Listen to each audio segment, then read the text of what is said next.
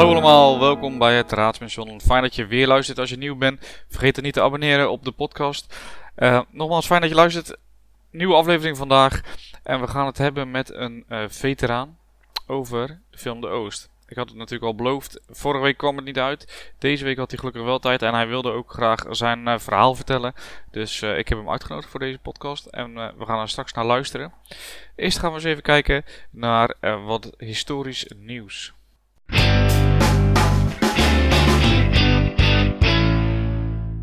Allereerst reizen we af naar het Georgisch Nationaal Museum, daar is een schilderij van de Friese schilder Petrus Schotanus ontdekt.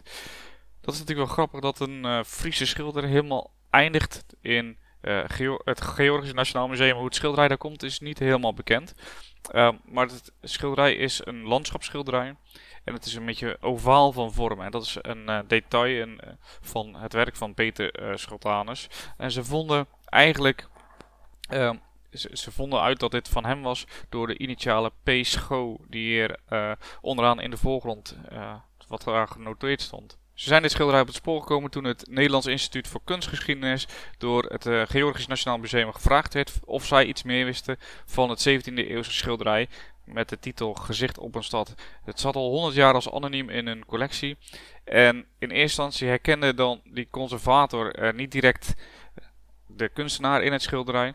Maar later dus, doordat ze die initiaal zagen, PSGO, dat, en toch een beetje die kenmerken, dat ovale. Uh, daardoor herkenden zij dus die Peter, Petrus Schotanus in het schilderij. Dus dat is natuurlijk wel uh, heel grappig. Daarnaast hebben we nog meer nieuws. Is namelijk een fundering van een Romeins gebouw gevonden in Nijmegen. We weten natuurlijk allemaal dat Nijmegen de eerste Romeinse stad was in Nederland. Noviomagus, zo heette het in het Latijns. En daar zijn ze dus aan het graven gegaan en ze hebben weer iets gevonden.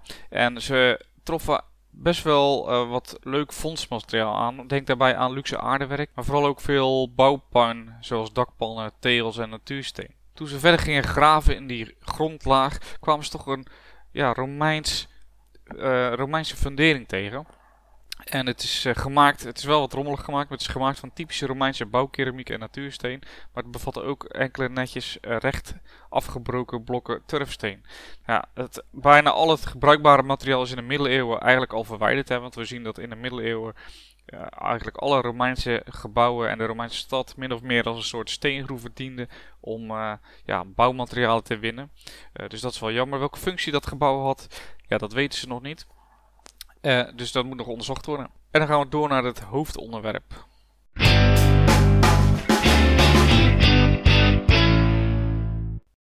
We zijn bij het hoofdonderwerp aangekomen, de Oost. We hebben natuurlijk vorige week uh, ook al over de Oost gehad. En ik had toen eigenlijk beloofd dat ik met uh, Pascal zou zitten, mijn maat en tevens veteraan. die kon toen niet. Gelukkig wilde die toch nog even, toch nog even zijn 5 cent eroverheen gooien over dit onderwerp. Heel fijn, want uh, ik vind het altijd heel fijn om uh, jouw podcast te maken, Pascal. Dus welkom weer in de podcast. Mooi. Ja, wat een introductie dan weer, hè? Daar ben ik wel ook weer blij om. Ja, nou, zeker. ja, vorige week hebben we het over de Oost gehad. Ik heb het een beetje ge geprobeerd te analyseren. En uh, ja, jij hebt natuurlijk daar een unieke kijk op als veteraan zijnde. Dat, dat heb ik dan weer niet. Um, dus ja, ik ben benieuwd. We gaan nu vooral kijken naar Johan, hè, hoe zijn ontwikkeling gaat. Eigenlijk van enthousiaste vrijwilliger naar ja, wat er uiteindelijk gebeurt. Um, ja. ja. vertel. Waar wil je beginnen? Ja, dat, dat, is altijd lastig, hè? Waar begin je? nou, waar ik eigenlijk eerst over wil beginnen, of waar ik, ik wil niet daarover beginnen, maar de, de, de, de ophef over de film. Ja. Uh, dat vind ik wel een interessante, omdat, uh, ja, ik weet niet of mensen, er wordt al zo, wat ik vind is dat er, er wordt snel een oordeel geveld over iets en er wordt al heel snel stelling ingenomen over de rollen die bepaalde personen, personages uh, innemen. Uh, ja, uh, nou, wat, ik, wat ik dan ook wel wonderlijk vind, is dat, er nu, dat het nu nog zo actueel is. Hè? Het, is uh, het is 75 jaar geleden uh, en het is nog springlevend. Terwijl er wel een hele, hele generatie voorbij is gegaan. Waarin er gewoon werd ja, het, het ontzwijgen, of in ieder geval er moet over gezwegen worden. We gaan het er niet meer over hebben. En dan gaat het wel vanzelf voorbij. Uh, nou ja, we zijn 75 jaar verder en het is actueler dan ooit. En ik, dat vind ik wel een goede zaak. Ik vind het een goede zaak dat, dat zaken die daar zijn gebeurd bespreekbaar worden gemaakt. Uh, zonder daar al snel een oordeel over te, te vellen. Want dat is voor ons heel erg makkelijk. Ja. ja. wij kijken nu met een historische distantie kijken we terug. Ja, en dan vinden we inderdaad dat dingen niet goed zijn gegaan. Uh, of dingen juist wel. Of... Maar in ieder geval, dat is, het is voor ons heel erg makkelijk praten en te oordelen over over dat goed en fout, dader en slachtoffer. Uh, ja, ik vind, uh, ja, laten we dan even inzoomen op, uh, op die hoofdpersonen. En laten we ook kijk, eens kijken wat die filmmaker er uh, allemaal, ja, wat, wat die filmmaker bedoeld heeft met het maken van die film. Ja, ja, want dat is wel zo, hè. dat zei ik natuurlijk vorige podcast ook al. Het is, het is en blijft een film, hè. dus je moet keuzes maken als, als filmmaker zijn van wat laat ik zien. Hoe snel laat ik iets, hoe snel laat ik iets lopen. Hè. Je kan er geen film van zes uur van maken bijvoorbeeld. Dus sommige zaken worden misschien onderbelicht en andere worden misschien overbelicht. Of... Nou ja, wat, ik denk dat je zelf ook uh, je moet realiseren. En ik weet niet of je dat aan de, de kijker, of je dat aan de kijker mag en kan vragen. Maar kijk, het is natuurlijk fictie uh, gebaseerd op non-fictie. En dat is natuurlijk best wel een lastige, want fictie en non-fictie lopen dus nu door elkaar heen. En ja, het is natuurlijk aan het. kijk, het, dat, dat is lastig om dat onderscheid te maken. Hè, waarbij er natuurlijk ook bepaalde uh, sentimenten van zo'n filmmaker, ja, die kan die dus extra naar boven laten komen of juist weglaten. Ja. dat is natuurlijk de, de, de vrijheid die je hebt als filmmaker. En ja, belangrijk is dus van ja, wat, wat, wat wil die filmmaker hier nu mee duidelijk maken? Ja, daar zie je dus dat uh, hè, ja, met bepaalde dingen worden dingen echt uitvergroot en uitvlucht. Maar ja, dat is natuurlijk ook weer een film. Wat jij zegt, ja, dan moet je echt een documentaire maken van zes uur waarin je al die kanten belicht en, en, en ook uh, feitelijk waar blijft. Maar ja, hier neem je de vrijheid om bepaalde dingen uit te lichten. Maar ik heb het idee dat de filmmaker heeft daar wel een, een bedoeling mee. Nou, daar zou je het over moeten hebben. Ja. Ja, want je zei dus uh, ophef hè, over, uh, over de film natuurlijk. Veel sentimenten die spelen. Nou, we zagen natuurlijk toen de koning eigenlijk zijn excuses aanbood hè, in, in Indonesië. Zagen we ook al heel veel van die sentimenten denk ik naar boven komen. Ja. Um, ja. Nou ja, kijk, uh, ik denk dat het nou, niet het meest veilige is, maar gewoon, kijk, als je kijkt naar die hoofdpersonen die in die film meespelen, uh, dan is het niet alleen de mens en de persoon, maar die persoon vertegenwoordigt ook een bepaalde uh, bevolkingsgroep. Hè, er zit een laag zit daarboven. Als je kijkt naar Johan, Johan vertegenwoordigt de Nederlandse soldaat.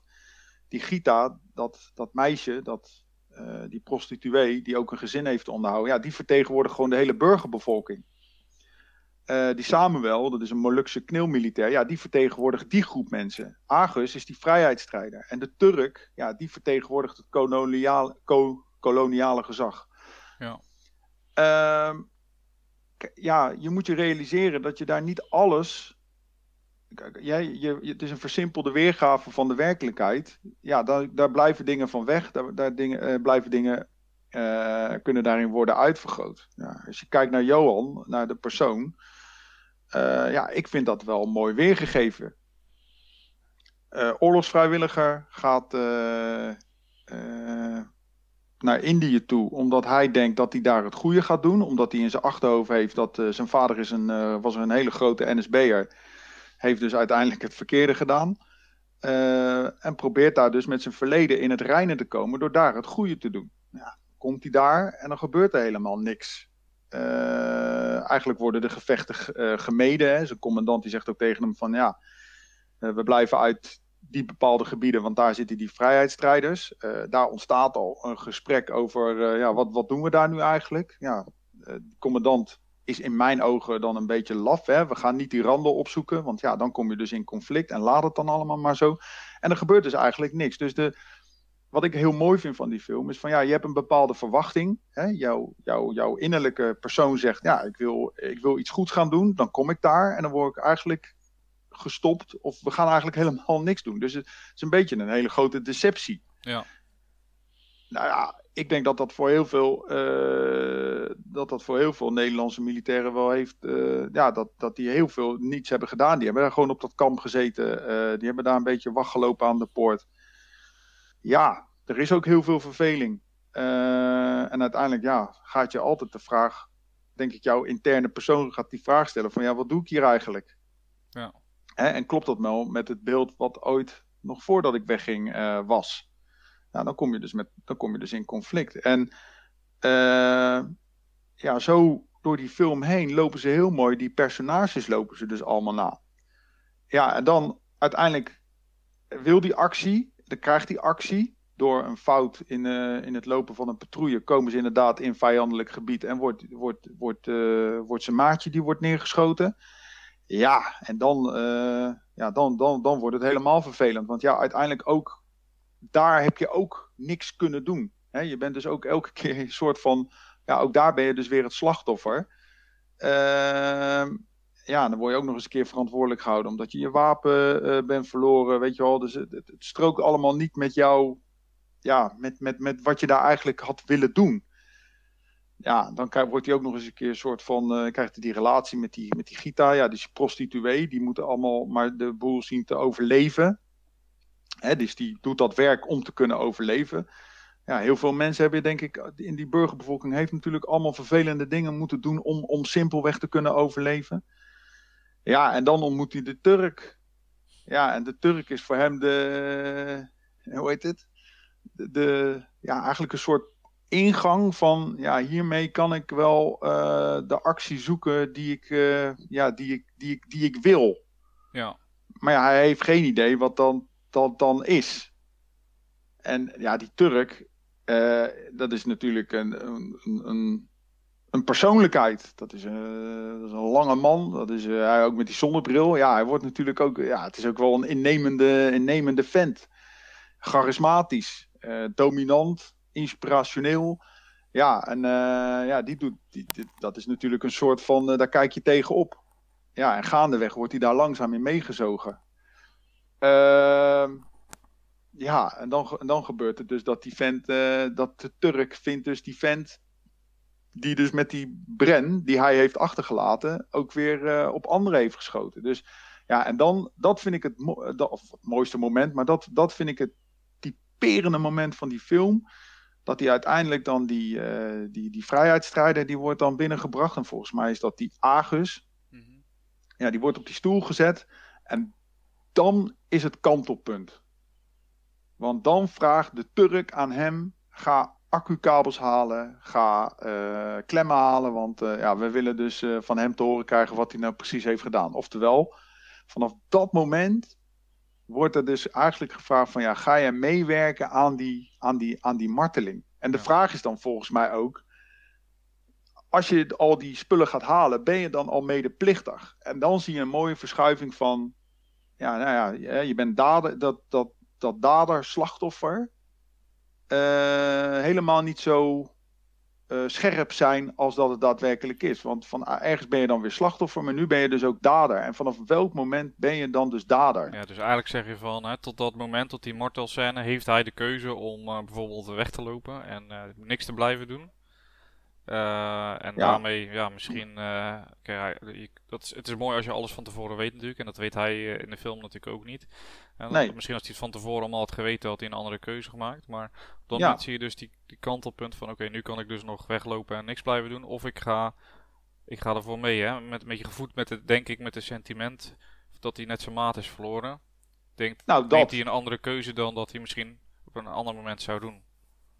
Ja, dat, uh, kijk, en dan is gewoon de grote vraag, joh, als jij nou in de schoenen van Johan had gestaan, wat had jij dan op dat moment gedaan? Met al die, met al die dingen die dus in die aanloop daar naartoe zijn gebeurd. Dus het moment dat je vader NSB'er is, dat je als oorlogsvrijwilliger daar naartoe bent gestuurd, je maatje wordt doodgeschoten. Uiteindelijk zie jij in de persoon van die, in die uh, Indonesische vrijheidsstrijder, zie je daar de persoon zitten die, die jouw maatje heeft doodgeschoten. Een populaire jongen in de groep.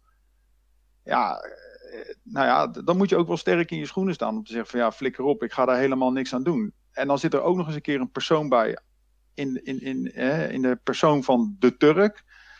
ja, charismatische man en uh, ja, die lost de zaken daar wel even op. Ja, hoe sterk ben je dan in je schoenen? Hoe moet je in je schoenen staan om dan te zeggen, ja, sorry, maar dit is uh, volgens mijn morele kompas is dit niet oké dat we dit doen. Ja. Uh, ik, ga hier niet aan meewerken. Ja. ja. Dat vind ik een interessante vraag. Ja, precies. Weet je, ben jij daartoe in staat om dat, om dat anders te doen zoals die Johan dat heeft gedaan? Ja. Ben jij daartoe in staat om het anders te doen? Als jij even... Dat is een moeilijk, hè? Ja.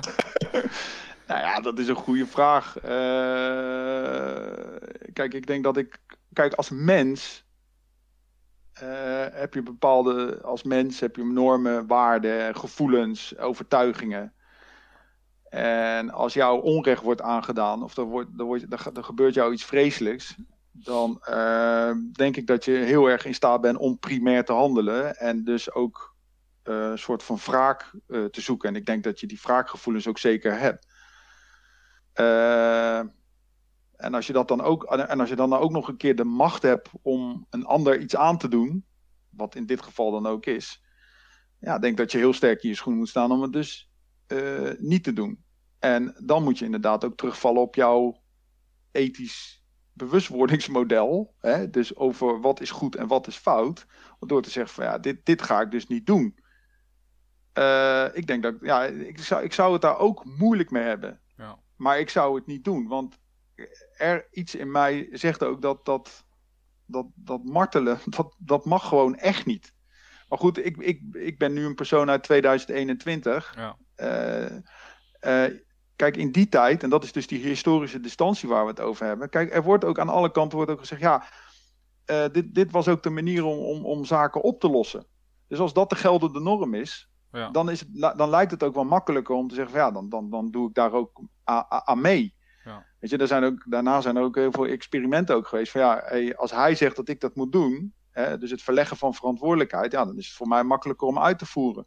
Ja, precies. Ja, dat is natuurlijk ook uh, naar aanleiding natuurlijk van uh, van de concentratiekampen natuurlijk ook geweest hè, van de Tweede Wereldoorlog. Om te kijken van waarom deed de soldaat gewoon wat hij moest doen. Hè? Bevel is bevel, uh, zeggen ze dan. Um, maar ja, ja, inderdaad, uit die studies blijkt inderdaad ook, hè, als jij zeg maar kan zeggen, nou ja, maar ik, het was niet mijn beslissing, het was zijn beslissing, ik voerde alleen uit, dat je dan toch een soort van gewetensrust kan creëren bij jezelf. Ja, ja, nou blijkt het uit dat, uh, dat, is dat Milgram-experiment. Uh, dat uh, als een ander tegen jou zegt, druk op het knopje om een ander een stroomstoot toe te dienen. Dat dat, maar blijkbaar, als je dan weer ook dat boek van Rutger Bregman leest, dat is ook super interessant.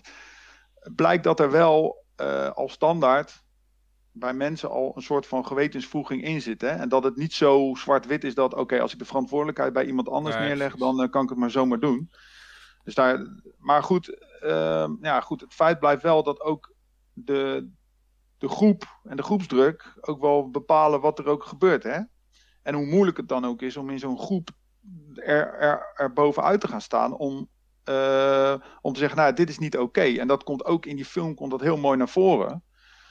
Uh, kijk, buiten het feit of het ook daadwerkelijk zo gebeurd is, hè, uh, dus ik, ik, zie dat ook echt als de vrijheid van de, uh, van de, van de filmmaker om het zo, zo te portretteren. Maar uiteindelijk komt hier ook naar voren dat hoe moeilijk het is om als individu op te staan tegenover de norm van de groep. Ja. Of die norm dan goed is of fout, dat maakt dan niet uit. Maar als jij als individu in die groep moet opstaan om te zeggen van ja jongens, dit is niet oké. Wat hier gebeurt is niet oké. Ik vind hier wat van. Ja, dan wordt hij keihard afgezadeld. En dan wordt hij ook weer geconfronteerd met zijn verleden. Ja. Uh, ja, het, kijk, buiten het feit of dit echt zo gebeurd is of niet, dat laat ik even in het midden. Maar wat heel mooi in die film dus naar buiten komt, is dus van ja, de, hoe het individu dus uh, worstelt met het dader zijn, het slachtoffer zijn, uh, het juiste te willen doen. Want uiteindelijk doet hij nu een keer het juiste. En dan is het weer niet goed. Ja. ja, ja. ja dat is wel, dan heb je er ook wel een kutleven hoor. ja, ja, dat is sowieso hè. Uh, ja, dat vond ik ook wel uh, mooi om te zien. Uh, ik heb vorige week het einde niet gespoilerd natuurlijk. Maar eigenlijk zou je dan zeggen van uh, het einde is dan weer een soort van dat hij probeert zijn gram te halen misschien. Of, zijn, of juist het goede weer te doen. Ja, hoe zou jij dat omschrijven, ja, maar... het einde? Ja, ja dat is, dat, is, ook een lastige. Maar ik denk dat je uiteindelijk een soort van... Je zoekt ook een soort van rechtvaardiging. Hè? Ehm, ja, er is jou ook zo verschrikkelijk veel onrecht aangedaan. Anderen is onrecht aangedaan. Je hebt zelf heb je foute dingen gedaan. Uh, of foute dingen. Ja, je hebt het zelf ook heb je gehandeld. Uh, ja, hij is gewoon ook, hij heeft ook echt last van een moral injury. Weet je, uh, al zijn normen, waarden en gevoelens en overtuigingen, ja, die zijn allemaal door de omstandigheden met voeten getreden. Ja, uiteindelijk kom je dan ook zo met, met jezelf in conflict. Dat, uh, ja, dan is het inderdaad nog de vraag: kan je dan inderdaad nog zo met jezelf uh, leven? Ja, dat, dat, dat vind ik wel heel erg mooi aan de film. Dat het inderdaad die, die continue strijd die je dus met jezelf hebt, ook omdat de omstandigheden maken dat je ja, gewoon lijkt alsof je dan elke keer de verkeerde keuze maakt. Ja, dat vind ik wel een, een, een, een mooi, een mooi, mooi gegeven in de, in de film. En, ja. en dat vind ik ook mooi om, om, om, om juist over die, over die persoonlijke keuzes en over die personen, om daar, daar dieper op in te gaan. Wat, doet, wat doet het nu met een mens als je in zulke omstandigheden terechtkomt? Ja, ja, dat, uh, kijk, nu, net wat je zegt, wij kijken er natuurlijk met afstand naar. En ik denk, uh, heel veel mensen die nu kijken, kijken er met afstand naar. Maar het is, ja, het is, denk, het is natuurlijk, als je daarin zit, is het heel, is het heel moeilijk, is het heel anders. Grenzen vervagen natuurlijk, ook wat jij zegt. Andere ja. normen en waarden gaan gelden, groepsdruk. Ja. Nou ja, en dat zie je dus ook met dat. kijk, wat er op een gegeven moment ook gebeurt. En dat, dat, dat, uh, dat zie je dus in die film heel mooi. Hè? Je zit daar op dat kamp, ja, er gebeurt ogenschijnlijk heel weinig. En het moment dat dus die jongen wordt neergeschoten, hè, dat, nou, dat geeft een gevoel van onmacht, onrechtvaardigheid. Uh, je maatje wordt doodgeschoten. Dat is echt heel erg ingrijpend. Ja. En daardoor krijg je dus wraakgevoelens. Uh, maar ja, daardoor gebeurt er iets waardoor je dus, dat, dat is dus die moral injury. Uh, je loopt daar dus echt een, een geestelijke verwonding op. En dit is geen PTSS, maar uh, doordat er dus iets gebeurt in jouw directe omgeving, uh, ja, daar kan dus wel een soort van normvervaging gaan optreden. Want jij wil, ja, jij wil wraak, jij wil, jij, wil, jij wil genoegdoening. Ja, en dan zie je dus dat je daar dus in een hellend vlak komt. En dat vind ik ook wel goed, dat we nu hè, ook, ook in de krijgsmacht en zo, dat we daar het ook heel goed over hebben. Hè? Dus dat, daarbij ben je ook gewoon een professioneel militair. Hè? Dat je een humanitair oorlogsrecht hebt en dat je dus inderdaad regels hebt wat je wel en wat niet mag. En dat dat dus ook heel goed uh, wordt besproken, ook, ook bij een krijgsmacht. Van joh, wat mag wel, wat mag niet, wat is jouw eigen verantwoordelijkheden en past dit wel in, in mijn beugel? En ik denk dat we daar wel uh, gelukkig wel in vooruit zijn gegaan zodat we niet vervallen tot, uh, ja, tot gewoon een rovende, moordende, moordende bende. Ja, precies. Ja, ja. ja dus eigenlijk zou die situatie min of meer niet echt meer voor kunnen komen in, de huidige, in, in, in ons huidige militair apparaat. Dat is eigenlijk een beetje wat ik, uh, wat ik hoor bij. Ja, dat. Nee, dat wat, wat daar. Kijk. Uh, kijk, ook Kijk, en dan ga je natuurlijk ook van bovenaf kijken. Uh, dat, dat laten ze dus ook zien. En hier, hier wordt het wel heel interessant. Kijk, de vraag is natuurlijk ook van. De, de legerleiding wist op dat moment ook gewoon niet wat ze met die situatie aan moesten. Die hadden natuurlijk ook nog nooit zoiets iets voorhanden gehad. Ja, hoe. Kijk, de Indonesiërs zien zichzelf als vrijheidsstrijders. Ja, de Nederlanders denken, ja, Indië is van ons, we moeten het behouden. Dus we, we, we moeten hier iets tegen doen. Maar ook gewoon niet weten wat ze er tegen moeten doen. Ja, en dan val je dus terug op, uh, op, op wat je wel weet. Ja, dan kijk, als, als, als ons terreur wordt aangedaan, ja, dan slaan we terug met terreur. Ja, dat, dat, dat, dat zou tegenwoordig echt niet meer. Uh, dat, dat gebeurt echt niet meer. Dat kan gewoon echt niet. Ik kreeg, dat uh, ik kreeg wel sterk het gevoel toen ik de film keek, zeg maar, ook met, uh, met het intro vooral natuurlijk. Uh, als ze die, de haven binnenkomen varen. of tenminste, ze zitten op een, op een boot en dan worden ze onthaald door, door ja, hun landgenoten. Um, niet echt positief, moet ik zeggen. Ik kreeg heel erg het, een soort Vietnam gevoel.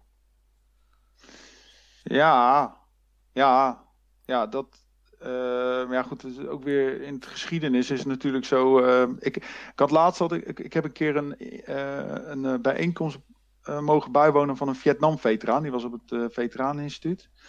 En die vertelde dat ook over, nou ja, ook over de oorlogen die zijn gevoerd. En hoe ook de, de, de, de maatschappij daarop heeft gereageerd. En hoe wij dus kijken naar die oorlog.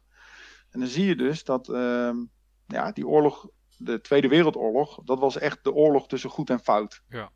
Blijkbaar is dat heel duidelijk. Hè? De, de Duitsers en Japanners waren slecht en wij waren goed. Ehm, de oorlogen die daarna zijn gevoerd, dus die koloniale oorlogen, zoals eh, om, om, voor het behoud van de koloniën en ook het tegen indammen van het uh, communisme, zoals Korea en uh, nou, ja, Indonesië, nou ja, Indonesië natuurlijk koloniaal en Vietnam ook voortvoersel daaruit. Ja, die zijn door, daar was dat, zeg maar, het goed en fout, was in één keer heel erg troebel. Dat was niet meer zo duidelijk. En uiteindelijk waren wij, ja, wij waren bevrijd. Ja, dan gingen we de ander nog even, ja, nog even onderdrukken al in, in, de, in de kolonie. Ja, dat was een beetje de, de, de, de gedachte. Ja. En, je, en je ziet natuurlijk ook dat uh, ja, vanaf die periode, mensen worden ook kritischer. Ik weet niet in het geval van Indonesië, maar als je kijkt naar, naar, naar, naar, naar, naar de Vietnamoorlog.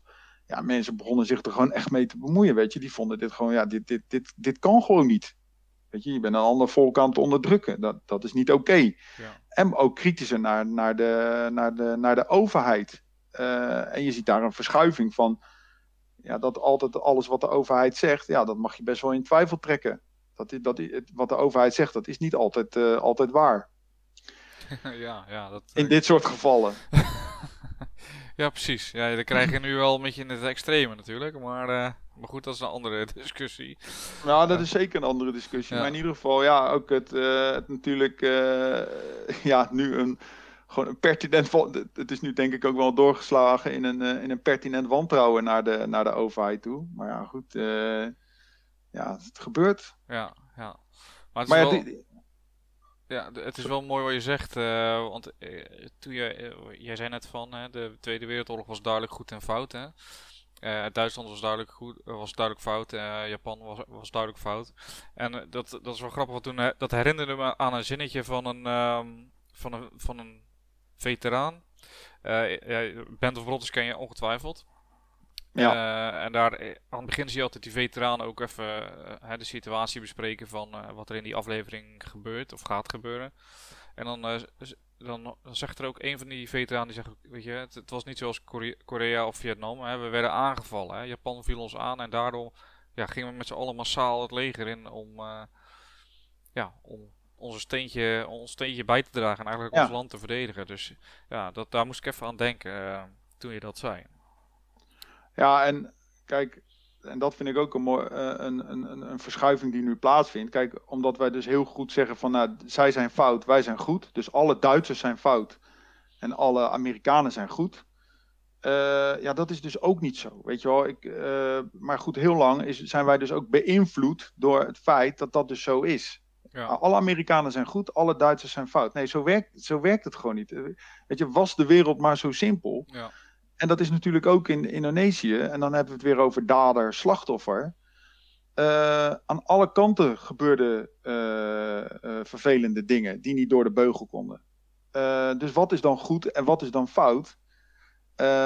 ja, dat kan ik niet beoordelen, maar het is wel het lijkt mij heel erg zinvol, en ik hoop dat die film hier dus echt aan bijdraagt, is dat je daardoor wel het, de dialoog met elkaar daarover aan kan gaan. Ja, wat, wat is dan goed? Wat is dan fout? Ja. Ja goed, je ziet iets duidelijk dat iets fout is, oké, maar ga het daar dan eens een keer over hebben. Ja. Uh, maar ook van alle, alle partijen. Dus dat multiperspectief, uh, ja, dat moet je dus niet uit het oog uh, verliezen. En ik vind dat nog heel erg mooi in die documentaire van Ken Burns over Vietnamoorlog. Daar worden alle partijen worden daar gehoord. Dus dat multiperspectief wordt daar zo goed in neergezet. Want dan hebben we het met, de Noord, uh, met het Noord-NVA, uh, het Noord-Vietnamese leger. Dan hebben we het over het Zuid-Vietnamese leger. Dan hebben we het over de mensen die, uh, die gedeserteerd zijn. Dan hebben we het over de mensen die gevlucht zijn naar Canada en nooit meer terug mogen komen. Dan hebben we het over de mensen die inderdaad net als een Johan zeggen: Ik word vrijwilliger, ik ga, ik ga dienst nemen en niet meer terugkomen. Dan hebben we het over de demonstranten. Dan hebben we... en, ja. en iedereen heeft daarin een verhaal te vertellen. Allemaal even interessant. En ze hebben allemaal goede dingen gedaan, foute dingen gedaan, uh, keuzes gemaakt. eh, waarin ze dus moeten leven met de gevolgen van die gemaakte keuze. Daar moet je het over hebben, zonder dat jij dus als toehoorder daarin een oordeel al, al neerlegt. Ja, precies. En, is, en dat, ik vind, eh, is, is die documentaire op Netflix? ja, hij was op Netflix. Het, duurt tien uur. Ik heb echt, eh, nou, ik heb hem echt bijna gebinged. Maar dat is echt een aanrader. Ja, ik heb, eh, ik weet niet of het dezelfde is, maar ik heb inderdaad ook op Netflix een documentaire gezien van een aantal afleveringen over de Vietnamoorlog. En dan zie je inderdaad, zeg maar, vanaf eh, eigenlijk dat de Fransen verdwijnen daar. Eh, En dan zie je de- hoe die Amerikaanse inmenging daarin komt. En dan eigenlijk ergens begrijp je, begin je dan ook te begrijpen waarom die Amerikanen er zo ingerold zijn. Eh, maar ook, natuurlijk de, ook de weerstand ertegen natuurlijk. Hè, want eh, wat je zegt, hè, het Noord-Vietnamese le- leger en eh, politici worden gesproken. Ook de Zuid-Vietnamese worden gesproken. Dus ik, vind dat, ik vond het super interessant om inderdaad al die kanten te zien. Ja, dat is Eh, dan die, de- dat is die, eh, dat is die de, de documentaire hoor. Denk Ja, ik. Ja, dat denk ik dan ook, ja. Daar hebben ze het op een gegeven moment ook over die piloten die dan eh, zo'n, eh, die, die trail, hoe heet die ook alweer? Er loopt zo'n pad, zeg maar, waar ze elke nacht eh, overheen gaan. Hoe ze die constant bombarderen. En dat die piloten eigenlijk heel veel respect hebben voor die mensen die daar maar elke nacht, weet je, al die vrouwen staan dan die weg weer eh, te, te fixen. En ja. ja, dat vond ik ook echt heel indrukwekkend om te zien. Eh, de vraag is dan natuurlijk, kan je met een film eigenlijk dan, kan je die aspecten allemaal la- wel laten zien, zeg maar. Kan je deze film dan, zeg maar, ja, ik zeg niet verantwoordelijk houden of hoe, hoe je het noemen wil, hoe, hoe, hoe moet ik het noemen? Ik heb dan Ja. niet, ik heb niet het gevoel dat je in eh, twee, want het duurt volgens mij 2,5 uur die film. Ik heb niet het gevoel dat je dan echt alle aspecten kan laten zien, zodat je echt een, eh, met een onbevooroordeeld, eh, ja, of dat je alle kanten weet, zeg maar, nadat je de film hebt gezien. Ik denk dat je het ook een beetje moet zien als, het is een verhaal wat je wil vertellen en vooral Johan natuurlijk. Hè. Ik denk dat dat het belangrijke verhaal, die, die, die, eh, de verhaallijn die door de film heen gaat. Van, van een militair die daarheen gezonden wordt en denkt het goede te doen en dan uiteindelijk in de shit komt. Met als achtergrond eh, de, ja, de politionele acties, zeg maar.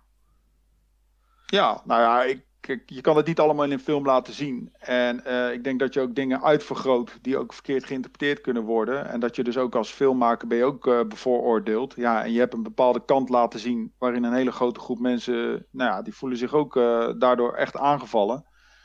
En dat kan ik ook heel goed begrijpen. En dat is ook, eh, ehm, ja, dat mag ook. Ehm ja, met welke reden heb je die film gemaakt? Dat is ook een interessante. Kijk, als je de film hebt gemaakt om het als startpunt te gebruiken, om te zeggen van nou, we willen dit stukje geschiedenis willen we eens bespreekbaar maken, hè, wat wij nu ook doen, Ja. ja, dan vind ik dat een hele goeie.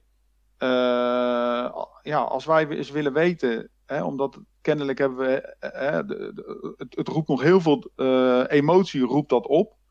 Nou ja, laten we daar eens dan over hebben. Laten we daar eens over gaan praten. En laten we daar dan eens de dialoog met elkaar erover aangaan. Kijk, en dat die film, het is eh, fictie verweven met non-fictie. Ja, is altijd lastig natuurlijk. Want ja, uiteindelijk laat je ook met, jou, met jouw artistieke vrijheid laat je misschien bepaalde dingen zien. Of maak je bepaalde verwijzingen. Ja, waar een ander niet blij mee is. Ja. Ja, daar moet je altijd voorzichtig mee zijn. Maar aan de andere kant vind ik ook. ehm, ja, we leven ook in een land waarin dit ook gelukkig kan en mag. En laten we in godsnaam dan met elkaar de, de, de dialoog erover aangaan. Weet je, laten we dan met elkaar in gesprek gaan. Want dat is denk ik het allerbelangrijkste. Ja, ik denk dat dat, eh, dat, dat inderdaad ook wel lukt. Want ja, blijkbaar zitten er nog heel veel sentimenten die, die gewoon niet uitgesproken zijn. En daarmee eh, raak je ook een. Kijk, ik ken. eh, eh, ik, ik ken Indië-veteranen. Ja, die, die, die, die man, ja, hij is nu 93, nee, hij is nu 94 of zo. Er was een, soort- een, een chauffeur op een, eh, op een verkenningsautootje. Die man heeft gewoon echt 60 jaar lang zijn mond moeten houden. Er werd gewoon niet over gesproken. Dat is allemaal, allemaal weggedrukt. Dat is allemaal, we, we hebben het er niet over, weet je wel. Ja. En ja, goed. Ik ben ervan overtuigd dat, jongens, laten we het er maar niet over hebben. Ja, dat is gewoon de doodsteek voor alles, voor iedereen. Nee, je moet het gesprek aangaan. Hoe heeft dit kunnen gebeuren? Waarom is dit gebeurd? En als, we, als wij willen dat dit nooit meer gebeurt, ja, dan, dan moeten we het er juist over hebben. Ja, en mooi. dus vertellen van verhalen. Blijf, blijf, blijf je verhaal vertellen. Iedereen. Ja. Ik denk dat het een mooie afsluiter is. Denk je niet? Ja, dat denk ik ook. Ja. Maar ik raak helemaal van bevlogen, joh. Ik denk, godverdorie. Ja, nou, het, zou mooi, het zou mooi zijn als we het natuurlijk een keer zouden kunnen regelen. Dat we, dat mensen bij elkaar kunnen zetten om uh, erover te praten. Maar goed, dat is uh, misschien een Ja, met respect voor elkaar. Ja, En ja, ja ook, dat is het belangrijkste. Uiteraard. en ook, zeg maar, gevoel hebben voor de, de, de situatie toen. Kijk, en het is ook vreselijk wat er is gebeurd, weet je wel. En er zijn ook... dat- ja, dat, dat, het, het, het is ook vreselijk, maar daar ga je ook niemand meer mee terugkrijgen. Eh, en dat had ook zeker niet moeten gebeuren. Ook aan, aan beide kanten zijn er verschrikkingen gebeurd. Maar ja, goed. ehm, ja, nu, nu moeten we het er dan maar eens met elkaar over gaan hebben. Ja, Dan moeten we de dialoog inderdaad aangaan met elkaar. laat En als, ja, daar, daar is die film een mooie, een mooie, mooie aanzet. laten we vooral met elkaar in gesprek blijven. Ja, precies. Onbevooroordeeld. Onbevooroordeeld. Ja, precies. Gewoon een open, ruime blik. Ja, zou een mooie stap zijn. Mooi. Mooie boodschap. Pascal, ik wil je weer hartelijk bedanken eh, voor je, voor je bijdrage. Graag gedaan, man. Ik hoop, eh, ik hoop dat het eh, nog vaker gebeurt. Ja, joh, komt goed. Komt goed. Nou, dan, dan wil ik iedereen die geluisterd heeft wil ik, bedanken. Ik hoop dat jullie het ook interessant vonden. Heb jij nou vragen, opmerkingen of, ja, weet ik veel, nonsens? Ehm, stuur ze dan naar geschiedenis.paulushistoricus.nl of vind mij op een van de ehm, ja, social media kanalen. Daar kan je me altijd een berichtje sturen. Ehm, en dan wens ik jullie nog eh, een fijne week toe verder. En dan eh, spreken we elkaar eh, volgende week weer.